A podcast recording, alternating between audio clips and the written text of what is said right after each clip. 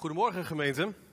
Het is uh, voor mij een groot plezier, echt vreugdevol om, uh, om hier te zijn. De laatste keer dat ik hier was, was op een uh, avond van Radical. En toen was het nou, niet leeg in de zaal. Er waren een hoop mensen die hielpen om de dienst mogelijk te maken. Maar veel gemeenteleden die gewoon heerlijk kwamen luisteren, die waren er niet. want dat kon niet. Het is echt voor mij de eerste keer dat ik weer met zoveel mensen samen ben. Dus dat is in ieder geval voor mij al heel erg fijn. En een bemoediging op zich. We zijn natuurlijk gekomen om te zingen met elkaar, om te bidden met elkaar, om het woord van de levende God te horen. Maar alleen al hier zijn en elkaar ontmoeten, dat is een bemoediging op zichzelf. Wat goed dat je er bent. Uh, laten we vandaag, deze ochtend, met elkaar het woord open doen. En uh, mij was gevraagd om voordat ik dat zou doen, nog even kort iets over mezelf te vertellen. Nou, Marcel Vergop is mijn naam. 34 jaar, getrouwd met Nelke. Kom uh, uit Ede. En door de week ben ik druk met uh, jeugdwerk in allerlei verschillende kerken en denominaties. Uh, probeer ik te helpen waar ik helpen kan. En misschien zegt het sommigen van jullie ook iets. Aan het andere deel van de week vervul ik mijn tijd met werken voor geloofstrusting. Acht jaar geleden gestart. Geloofstrusting.nl. Video's, artikelen. Inmiddels de laatste tijd ook boeken. Toen het nog makkelijk ging, ook heel veel jongerenavonden mooi om uh, met name met die jonge generatie, de generatie van de toekomst, uh, op te trekken en uh, samen het woord in te gaan. Maar goed, genoeg over mij, want ik kwam hier vandaag niet om iets te vertellen over mezelf, maar ik wilde graag met jullie een stukje uit de Bijbel lezen. En wat ik hoop te doen is Genesis 22 met jullie te bespreken. Met name vers 1 tot en met 14. Um, ehm, en wat mijn plan was voor vanmorgen is dat ik dat gewoon vers voor vers of per twee versen voorlees. Dan even kort wat gedachten met u deel. En op die manier we samen nadenken over het woord van de levende God. Genesis 22. Nou, dan beginnen we maar bij het begin, bij vers 1. En het gebeurde na deze dingen, lezen we, dat God Abraham op de proef stelde. En hij zei tegen hem, Abraham, en die zei, zie, hier ben ik. Als je dit vers leest, nou ja, dan denk je, ja, dat is een introductiezinnetje.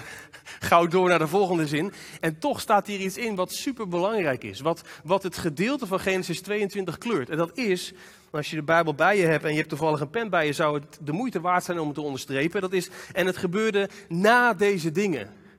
Als je een beetje van Bijbel lezen houdt, dan, dan moet je bij, zo, bij zo'n zinnetje, bij, zo'n, ja, bij die woordjes eigenlijk een vraag stellen. Na deze dingen, welke dingen dan? Hebben we nog op de rit in ons hoofd wat er in die hoofdstukken daaraan vooraf ging? Hebben we nu hier op dit moment niet de tijd voor om dat helemaal door te lopen. Maar dat is wel wat die, wat die, wat die woorden natuurlijk triggeren bij. Van na deze dingen, oké, we gaan een, een nieuw gedeelte in het levensverhaal van Abraham nu krijgen. Maar wat is eraan vooraf gegaan? Wat, wat, is, hier, wat is hier gebeurd? Het zou een home trainer zijn voor vanmiddag. Als je misschien uh, in de tuin zit of zo. Uh, dat je dat eens even bekijkt. Van, hey, wat is hier aan vooraf gegaan? En dan zal ik hem vast verklappen. Vers, of hoofdstuk 12 en hoofdstuk 22 zijn als het ware de vleugels van de vlinder. Dus wat je in hoofdstuk 12 ziet gebeuren, en dan niet letterlijke woorden of zo, maar, maar, patronen. Welke rol heeft God hier? Welke rol heeft Abraham hier? Welke opdracht krijgt Abraham hiermee? Als je dat vergelijkt, hoofdstuk 12, en dan blaad je even door van, oh, er gebeurt een hoop in het leven van Abraham. En dan kom je bij hoofdstuk 22, waar wij nu naar gaan kijken. Dan denk je, hé, hey, een nieuw hoofdstuk, een nieuw onderdeel uit het leven van Abraham. Maar ik zie een patroon zichtbaar wat in hoofdstuk 12 ook al zichtbaar was. Dat is iets, nou, de moeite waard om zo je Bijbel te lezen. Dat is wel wat die woorden na deze dingen oproepen en triggeren. Ja, en dan hè, dat is een preek op zich wat er daarna komt. Uh, ik moet me inhouden om daar niet te veel over te vertellen, want anders kom ik aan de rest niet toe. Maar wat daar dan staat, daar sta je toch van te kijken. Dat God Abraham op de proef stelde. Op de proef stellen, iemand gaan testen en, en, dan blijkt straks ook nog, ook nog eens een keer met een, een offer te brengen. En dan dat dat een mens is, je eigen kind. Wat is dit voor een God? Is dit wel moreel verantwoord? Kan die zogenaamde goede God, kan die dit wel maken? Abraham komt uit Ur der Galdeeën, kent van al het omliggende volken allemaal goden die zogenaamd kinderoffers vragen. En nou is hij de enige ware God gevolgd. Vanaf hoofdstuk 12 volgt hij hem al. Hoe heb ik het nu met u, God? Bent u dan net als al die anderen? Maakt het dan eigenlijk niet uit wat je gelooft en wie we geloven en wie we volgen? Ik heb mijn vertrouwen op u gesteld, ik ben achter u aangegaan. Hoe heb ik het met u dat u nou een kindoffer vraagt? Dat kan toch niet waar zijn? Dat kan toch niet waar zijn? Nou ja, atheïsten gaan natuurlijk hierop los. Er zou veel over te zeggen zijn. Over de Bijbeluitleg van Richard Dawkins. Ik, ik, ik laat hem voor nu rusten. Maar je voelt wel aan, hier zit, hier zit een preek en misschien wel meer dan een preek in. Om hier eens over door te denken. Laat hem hier rusten. Ik wil alleen dit gezegd hebben. In het rest van het Bijbelgedeelte wordt wel duidelijk dat God niet verlangt naar een kindoffer. Dat hij iets anders op het oog heeft. En dat God wel degelijk rechtvaardig, wijs en goed is. Maar wij gaan gauw door. Wij gaan naar vers 2 en vers 3. Daar lezen we. En hij zei: Neem toch uw zoon, dus een God die aan het woord is tegen Abraham. Neem toch uw zoon, uw enige die u lief hebt. En ga naar het land Moria of Moria. En offer hem daar als een brandoffer op een van de bergen die ik u noemen zal. En toen stond Abraham morgens vroeg op, zadelde zijn ezel, nam twee van zijn knechten met zich mee en Isaac, zijn zoon.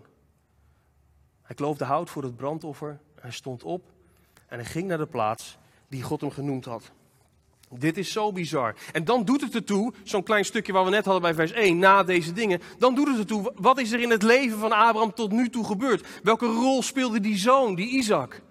En degenen die hier zijn, die een Bijbeltje een beetje kennen, en ik hoop dat dat iedereen is, die weten van, oh man, dit, dit, dit kan God toch niet menen? Is God dan even kwijt wat hij allemaal beloofd heeft? Het is gewoon bijna te luguber voor woorden dat uitgerekend Abraham, die echt alles op alles had gezet, op grond van de belofte van God, dacht hij aanvankelijk samen met Sarah dat hij het dan maar zelf moest gaan regelen. God had beloofd, nageslacht, grote zegen. Maar dat kwam maar niet, dat kind. Dat nageslacht bleef uit. Sarah onvruchtbaar, hij zelf onvruchtbaar. Dat wordt helemaal niks. Ook al veel te oud. Dat komt nooit meer goed. En toen waren ze zelf aan de slag gegaan, in de hoop dat dat dan werkte. Maar dat was het plan van God niet. Plan van God niet. En dan deze zoon, deze Isaac, zoals God het bedoeld had. Niet met Hagar en Ismael, nee, maar met Isaac. Had God zijn bedoeling. Dat uitgerekend deze Isaac, die zoon van de belofte. Die enige zoon, want, want Ismaël is al de deur uit inmiddels. Dat zijn enige zoon, die hij zo lief heeft. Waar hij zo lang op gehoopt en gebeden heeft. En die God uiteindelijk via een mirakel bracht. Moet hij dat kind nu weer afgeven? Dat, dat, dat, kan niet waar zijn. God, dat kan toch niet waar zijn? Ik zei daar straks dat, uh, dat, dat het vergelijking tussen Genesis 12 en 22, dat dat een home trainer is. Hè, dat je die thuis even op moet zoeken. Ik kan niet laten toch even iets erover te zeggen. In de hoop dat je smaak te pakken krijgt en denkt, oké, als dit het begin is, dan wil ik meer weten. Wat je bijvoorbeeld ziet gebeuren, is dat in Genesis 12 God aan Abraham de opdracht geeft, ga hier vandaan naar het land dat ik je wijzen zal. God geeft Abraham een opdracht om te vertrekken. En dat betekent heel concreet dat hij zijn familie kwijt is. En hier, tien hoofdstukken verder in Genesis 22, zie je eenzelfde patroon. God die Abraham aanspreekt om te gaan vertrekken naar de plaats die ik je wijzen zal, om een brandoffer te brengen. En nu raakt hij niet zijn familie kwijt, maar zijn nageslacht. Dat wat je had, wat je bracht tot dit leven en dat wat je het leven verder brengt, nageslacht, in tien hoofdstukken tijd raakt hij alles kwijt. Als je God volgt, nou, dan gaat het dus blijkbaar niet voor de wind. In hoofdstuk 12 ben je je familie kwijt waar je vandaan komt. En in hoofdstuk 22 ben je je familie kwijt wat je voortbrengt. Ik, ik, het gevaar van deze bekende gedeeltes en het gevaar van Bijbelversen die zo beknopt zijn, is dat je er zo doorheen leest. Maar er gebeurt nogal niet wat in tien hoofdstukken. Er gebeurt nog niet wat. Wat zit er een hoop in die zinnen verpakt? En ik hoop maar daarmee bewezen te hebben dat zo'n vergelijking tussen hoofdstuk 12 en hoofdstuk 22, dat dat meer dan de moeite waard is. En die oproep ook, hè. Een brandoffer brengen. Als je even, gewoon skipt dat het dan over een mens gaat in dit geval. Al, zelfs al bij een dier is het best wel, best wel shocking. Ik ben sowieso niet zo van bloed en zo. Slachthuizen zijn aan mij niet besteed. Maar een brandoffer, dat, dat betekent dat je. Bij een brandoffer betekent dat je datgene wat je offert, dat je het eerst de keel doorsnijdt. Dat je daarna de delen lossnijdt, ontleedt. En het daarna verbrandt als een totaal verterend vuur, als een volledig offer van overgave aan God. En God zegt, dat gaan we doen met je zoon. Dat kan toch niet? Dat kan toch niet? Welke rechtgeaarde vader krijgt dat überhaupt in zijn gedachten rond? Dat, dat lukt toch niet? En Abraham heeft in zijn verleden nog weer zo'n reden waarom het interessant is om te weten wat er vooraf ging na deze dingen, wat er allemaal gebeurd is. Als je dat leest, dan kom je erachter dat Abraham nog wel eens wat geregeld heeft. Die was daar vrij handig in. Dan zei God wat en dacht hij, nou dat duurt wel heel lang. Dat gaan we zelf wel even oplossen. Komt hij in Egypte aan, denkt hij, oh, oh dat gaat niet goed met mijn vrouw. Die wordt straks gepakt door Farao. Regelt hij wat, liegt hij, bedriegt hij. Hagar en Ismaël is ook geen florissant verhaal. Je ziet in het leven van Abraham dat hij er moeite mee heeft om God te geloven op zijn woord en hem te gehoorzamen. Geen ideale gelovige. Zo opvallend is het dat we hier lezen, God geeft dit bijna bizarre plan, dit, deze bizarre opdracht, waarvan je denkt van nou hier ga je toch van, van stamelen en van treuzelen en dan weet je toch niet hoe je het hebt en, wat ga je hier nou mee doen? Dan ga je toch overleggen, ga je toch, ga je toch praten, ga je toch... We lezen iets heel anders. S'morgens staat Abraham vroeg op en hij regelt alles. Hij gaat meteen uitvoeren, dat wat God zegt. Je hoort hem niks zeggen. En ook zo'n zo'n pijnlijk detail. Hè? Het gaat soms bij Bijbelversen niet wat er staat, maar soms wat er niet staat. Als je in vers 3 leest dat Abraham niet alleen meteen gehoorzaamt, maar ook alles meeneemt en regelt om dat brandoffer te kunnen gaan brengen naar de plek waar God hem heen wijst om dat te gaan doen, dan mis je één ding het brandoffer. Wat wordt er dan straks geofferd? Ze nemen alles mee. Abraham heeft het goed geregeld, goed voor elkaar. Maar één ding is stil en aanwezig in dit Bijbelgedeelte. En dat is het offerdier. Ja, je bent wel al voor. Je zegt, ja, het staat er wel. Ja, het staat er wel. Er staat dat hij niet alleen zijn knechten meeneemt, ook maar Isaac, zijn zoon. Waar je denkt van, ja, maar bij een normaal brandoffer moet er toch een dier mee om geofferd te worden.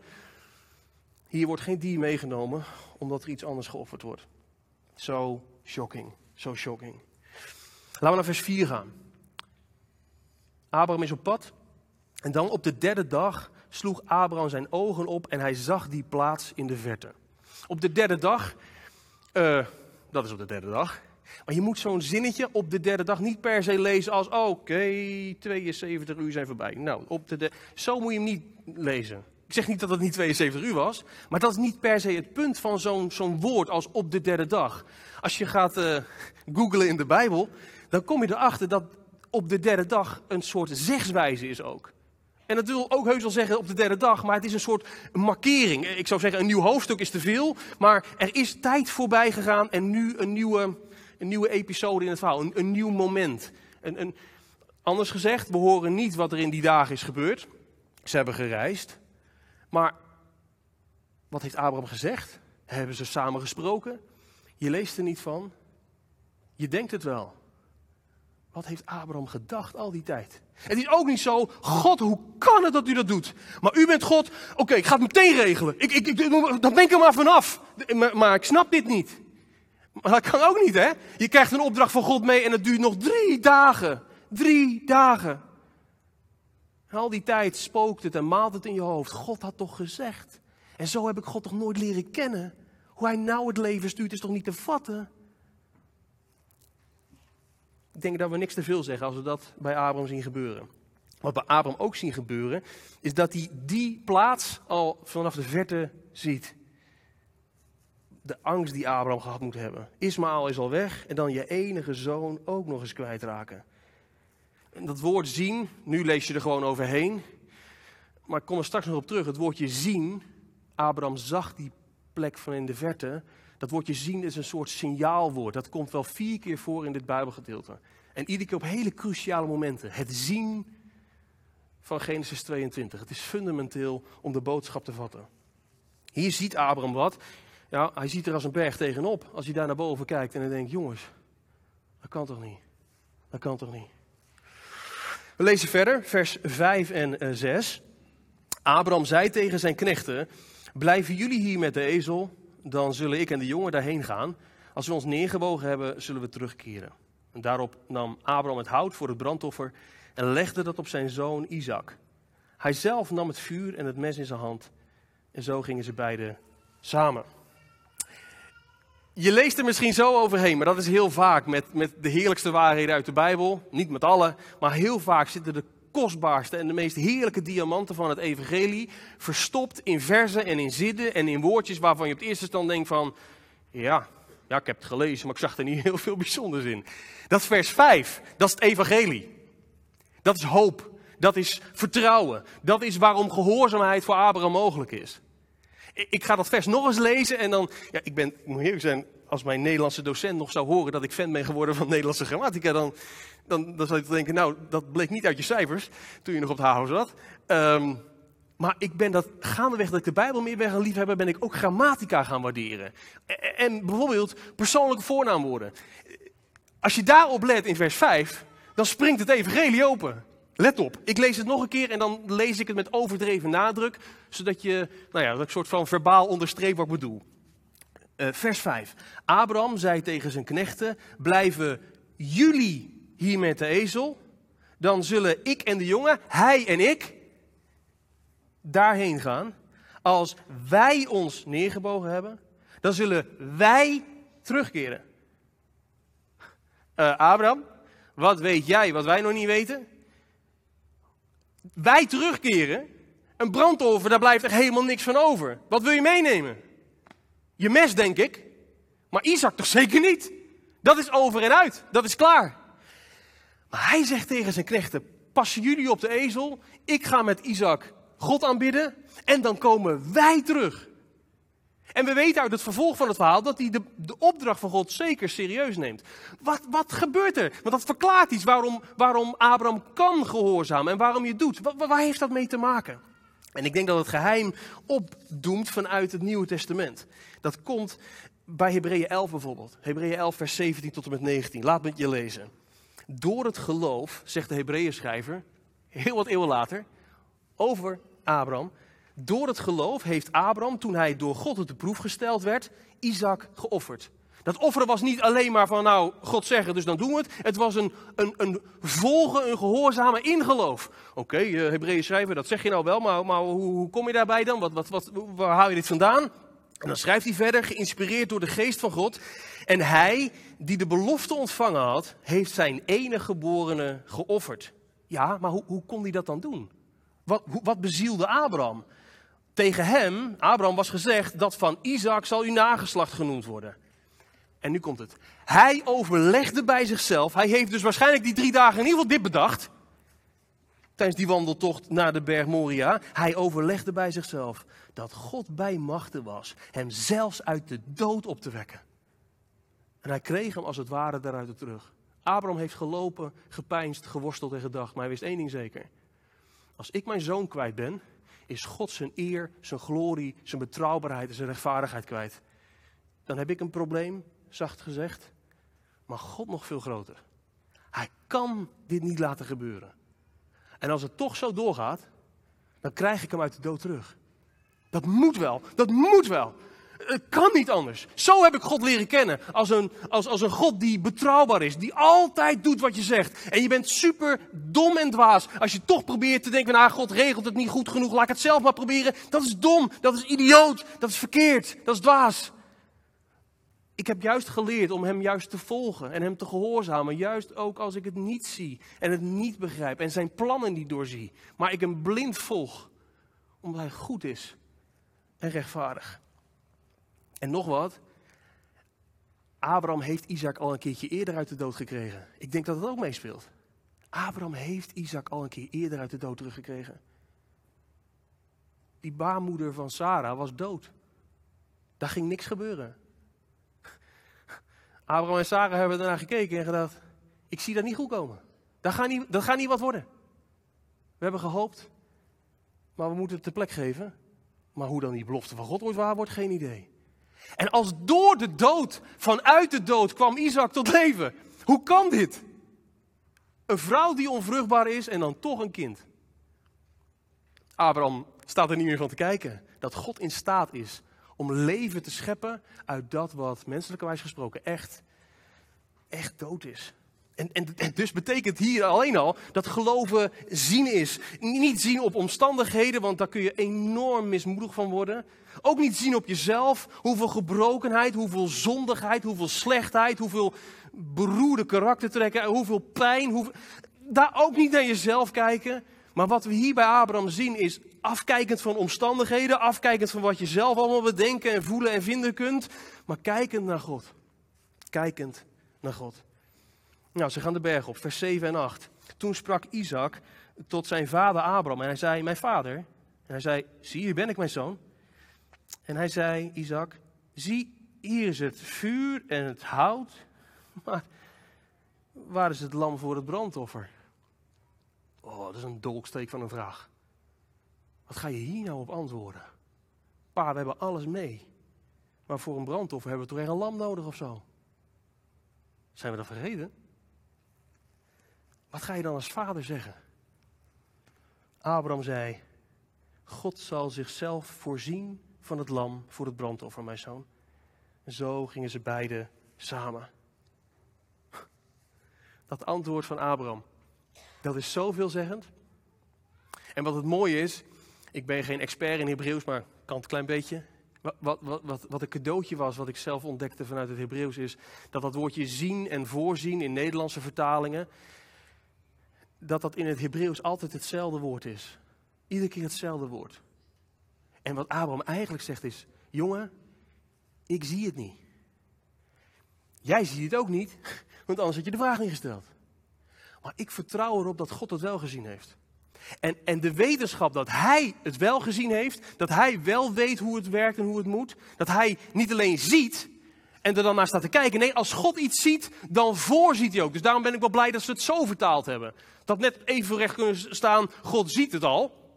Maar ik vind het wel mooi, in het woordje voorzien zit in de Nederlandse taal zoiets als, ja, zien en zien is twee zien en zeggen, nou, ik doe er verder niks mee. Bij God is zien ook werkelijk wat doen. Intentioneel, betrokken, zorgzaam. Als God het ziet, dan zorgt hij ook. En dat is wat Abraham zijn jonge zoon uitlegt. Ik zie het niet. Ik weet werkelijk niet hoe dit goed moet komen. Jij ziet het niet, anders had je de vraag niet gesteld. Maar jongen, jij en ik, wij zien naar omhoog. Wij verwachten het van God.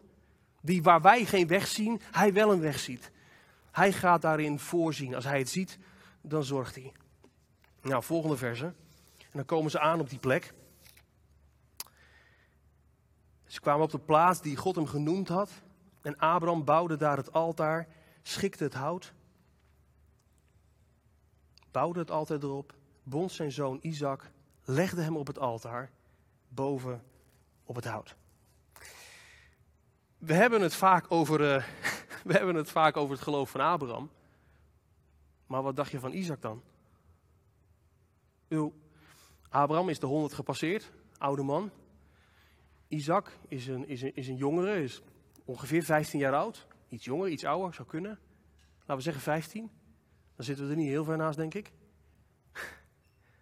Op het moment dat dat altaar klaar is en de climax komt, dat Isaac op dat altaar moet, ja, één sprintje en Abraham is nergens meer. Dus het is voor Isaac kleine moeite om aan deze gruwel voorbij te gaan. Dit hoeft niet. Als er staat dat Abraham Isaac bindt, zit daarin verstopt dat Isaac met geloof zich laat binden. Pap, wat gaan we doen? Het staat er niet hoe Abraham het hem verteld heeft. Maar God heeft me de opdracht gegeven om jou te offeren. Dat moet met instemming van Isaac zijn gegaan. Ik hoop dat je dat begrijpt. Dat, dat, dat een 100-jarige en een 15-jarige qua kracht en snelheid geen match zijn. En dat Isaac gebonden kan worden door Abraham, heeft ermee te maken dat Isaac, net als zijn vader, gelooft in de belofte van God. Gelooft in de goedheid van God. En ook gelooft dat er geen ruimte is om creatieve spelletjes te spelen. Als God het gezegd heeft, dan gehoorzaam hem. Niet als bevel is bevel, maar in liefde, in vertrouwen, in geloof, maar ook zeker gehoorzaamheid. Zijn vader kan hem wel wat vertellen hoe vaak hij zelf wat heeft lopen aanrommelen in zijn geloof. Daar worden we niet toe opgeroepen. Vertrouwen en gehoorzamen. Het is, het is alsof Abraham het met zijn zoon bespreekt van joh, we hebben hier als een berg tegenop gezien. Ik overzie het ook niet, ik weet het ook niet, maar één ding weet ik wel. God heeft als het ware de helikopterview. Hij weet alle dingen, hij ziet alle dingen en hij zal zorgen. Vers 10.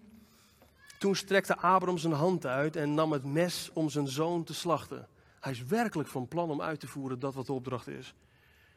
Maar dan het keerpunt. Uh, maar de engel van de Heer riep tot hem vanuit de hemel en zei: Abraham, Abraham. En die zegt: Zie, hier ben ik. Toen zei hij, die engel van de Heer: Steek uw hand niet uit naar de jongen en doe hem niets. Want nu weet ik dat u Godvrezend bent. En uw zoon, uw enige, mij niet onthouden hebt. Toen sloeg Abraham zijn ogen op. Zie je dat weer, dat zien? Ik hoop dat je het inmiddels begint op te vallen dat dat woordje zien wel verdraaid vaak voorbij komt.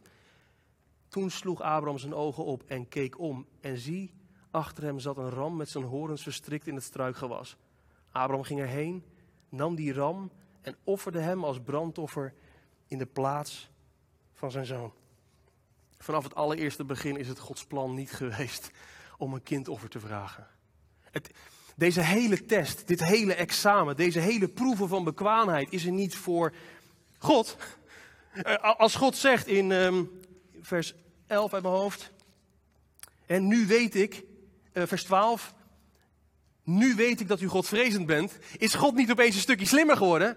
Dat, dat God door dit alles opeens iets wist wat hij daarvoor nog niet wist. God wist alles precies al. Het is als een examinator die een examen aflegt met een uh, examenkandidaat. En dat hij aan het eind zegt: Je bent geslaagd. Nu weet ik dat je het snapt. Die examinator is niet slimmer geworden. Zo van: Nou, ik ben blij dat je dit gedaan hebt, want ik, ik wist dit nog niet. Nee, het punt is nou juist, die examinator zegt, joh, deze hele test, deze hele proeven van bekwaamheid, dit hele examen was er niet van mij. Ik heb het wel georganiseerd. Ik ben wel helemaal in controle. Maar dit hele examen was er alleen maar voor jou. Dat jij er misschien niet zo blij mee bent en ze liever weg hebt dan dat je de gezegende voelt, dat kan zo zijn. Maar deze, dit examen, dit proeven van bekwaamheid laat, leert mij niet zoveel, maar leert jou dat je het begrepen hebt. Dat, dat is, zo moet je het verstaan wat hier, wat hier door, uh, door God gezegd wordt. En, en, en, wat het allermooiste misschien nog wel is, wat, wat gewoon ja, werkelijk schitterend is. Ze hebben op weg naar boven tegen elkaar gezegd: Wij zien het nog niet, maar God ziet het wel. En het mooie is, waar zij het eerst niet zagen, maar God het al die tijd al zag. Hè? Abraham is nog niet van huis vertrokken of God heeft dat ram al lang geregeld. Dat is zo mooi. Dat wisten zij niet. Abraham wist geen idee hoe dit zich verder zou ontvouwen. Hij was voor heel veel blind. Hij was één ding wat had hij wel gezien. God is te vertrouwen en ik doe er goed aan om hem te gehoorzamen. Maar terwijl Abraham op pad is en niet weet hoe het moet, heeft God al lang dat ram klaarstaan. Het is al lang geregeld. Kijk, voor ons is het een cadeautje om dat zo'n overview ook te hebben. Maar het is wel de bedoeling dat je de toepassing naar je eigen leven maakt. Want hoe vaak zit je niet zelf ook op die plek van Abraham? Dat je niet weet hoe het verder moet. Dat je het niet overziet, niet doorziet. Er als een berg tegenop ziet. En serieuze vragen hebt aan God. Dan wil Abraham je wat leren. En zegt, joh, na alles wat er gebeurd is in die vorige hoofdstuk, dat ik het iedere keer zelf maar wat probeerde te regelen. Met goede adviezen en goede ideeën. Maar ik luisterde niet naar de stem van de Heer. Luister ik hem nu blindelings, omdat hij te vertrouwen is. En hij zorgt. Ook zo'n prachtig thema. Plaatsvervanging. Plaatsvervanging. Niet Isaac sterft, maar een ram in zijn plaats. Dat is, dat is zo mooi. Abraham is bijna profetisch, zou ik zeggen, als hij in vers 14 zegt. Lees met me mee. En Abraham gaf die plaats de naam, de Heere zal erin voorzien. Weer dat woord, hè? Dat woord zien. De Heere zal erin voorzien. Daarom wordt heden ten dagen gezegd, op de berg van de Heere zal erin voorzien worden. Abraham is bijna profetisch als hij zegt: Op deze plek zien we dat God in zijn voorzienigheid zorgt. En hij zorgt uiteindelijk voor het meest ultieme: voor verzoening, voor een brandoffer. Niet wat wij hoeven te organiseren en te regelen, maar wat God zorgt. En hoe gelijk heeft hij? Het zou een home trainer zijn om 2 Kronieken 3 vers 1 vanmiddag eens te lezen. Dat je daar ziet gebeuren wat, dat, dat, dat Abraham zo gelijk heeft. De tempel, de offerdienst. Waarin er voortdurend door God gezorgd werd voor offerdieren. Om in stand te houden. Jij kunt niet bestaan op eigen kracht, op eigen inzicht, op eigen geloof. Je moet het helemaal en volledig hebben van mijn bloed dat reinigt. Alleen maar wat ik te bieden heb. Dat is wat bevrijding geeft. En weer eeuwen later is op dezezelfde plek, het kan geen toeval zijn, weer op dezezelfde plek Golgotha dan gaat er wel iets anders. Als je het vergelijkt met al die offerdieren en offerdiensten die daarvoor waren geweest. Abraham heeft het niet zo precies geweten. Hij wist wel, God voorziet. God voorziet in een lam ten brandoffer. En eeuwen later, na de tempeldienst, komt Jezus. God geeft zijn eigen zoon, zijn enige, die hij lief heeft, tot verzoening van de zonde dan klinkt het vanuit het lam dat geofferd wordt. Vader, ik kom om uw wil te doen. Volledige geloof, volledige gehoorzaamheid in de praktijk van het leven van Jezus. Dan klinkt het vanuit de hemel. dit is mijn zoon, mijn geliefde in wie ik mijn welbehagen heb. Luister naar hem. Geef je oor aan hem.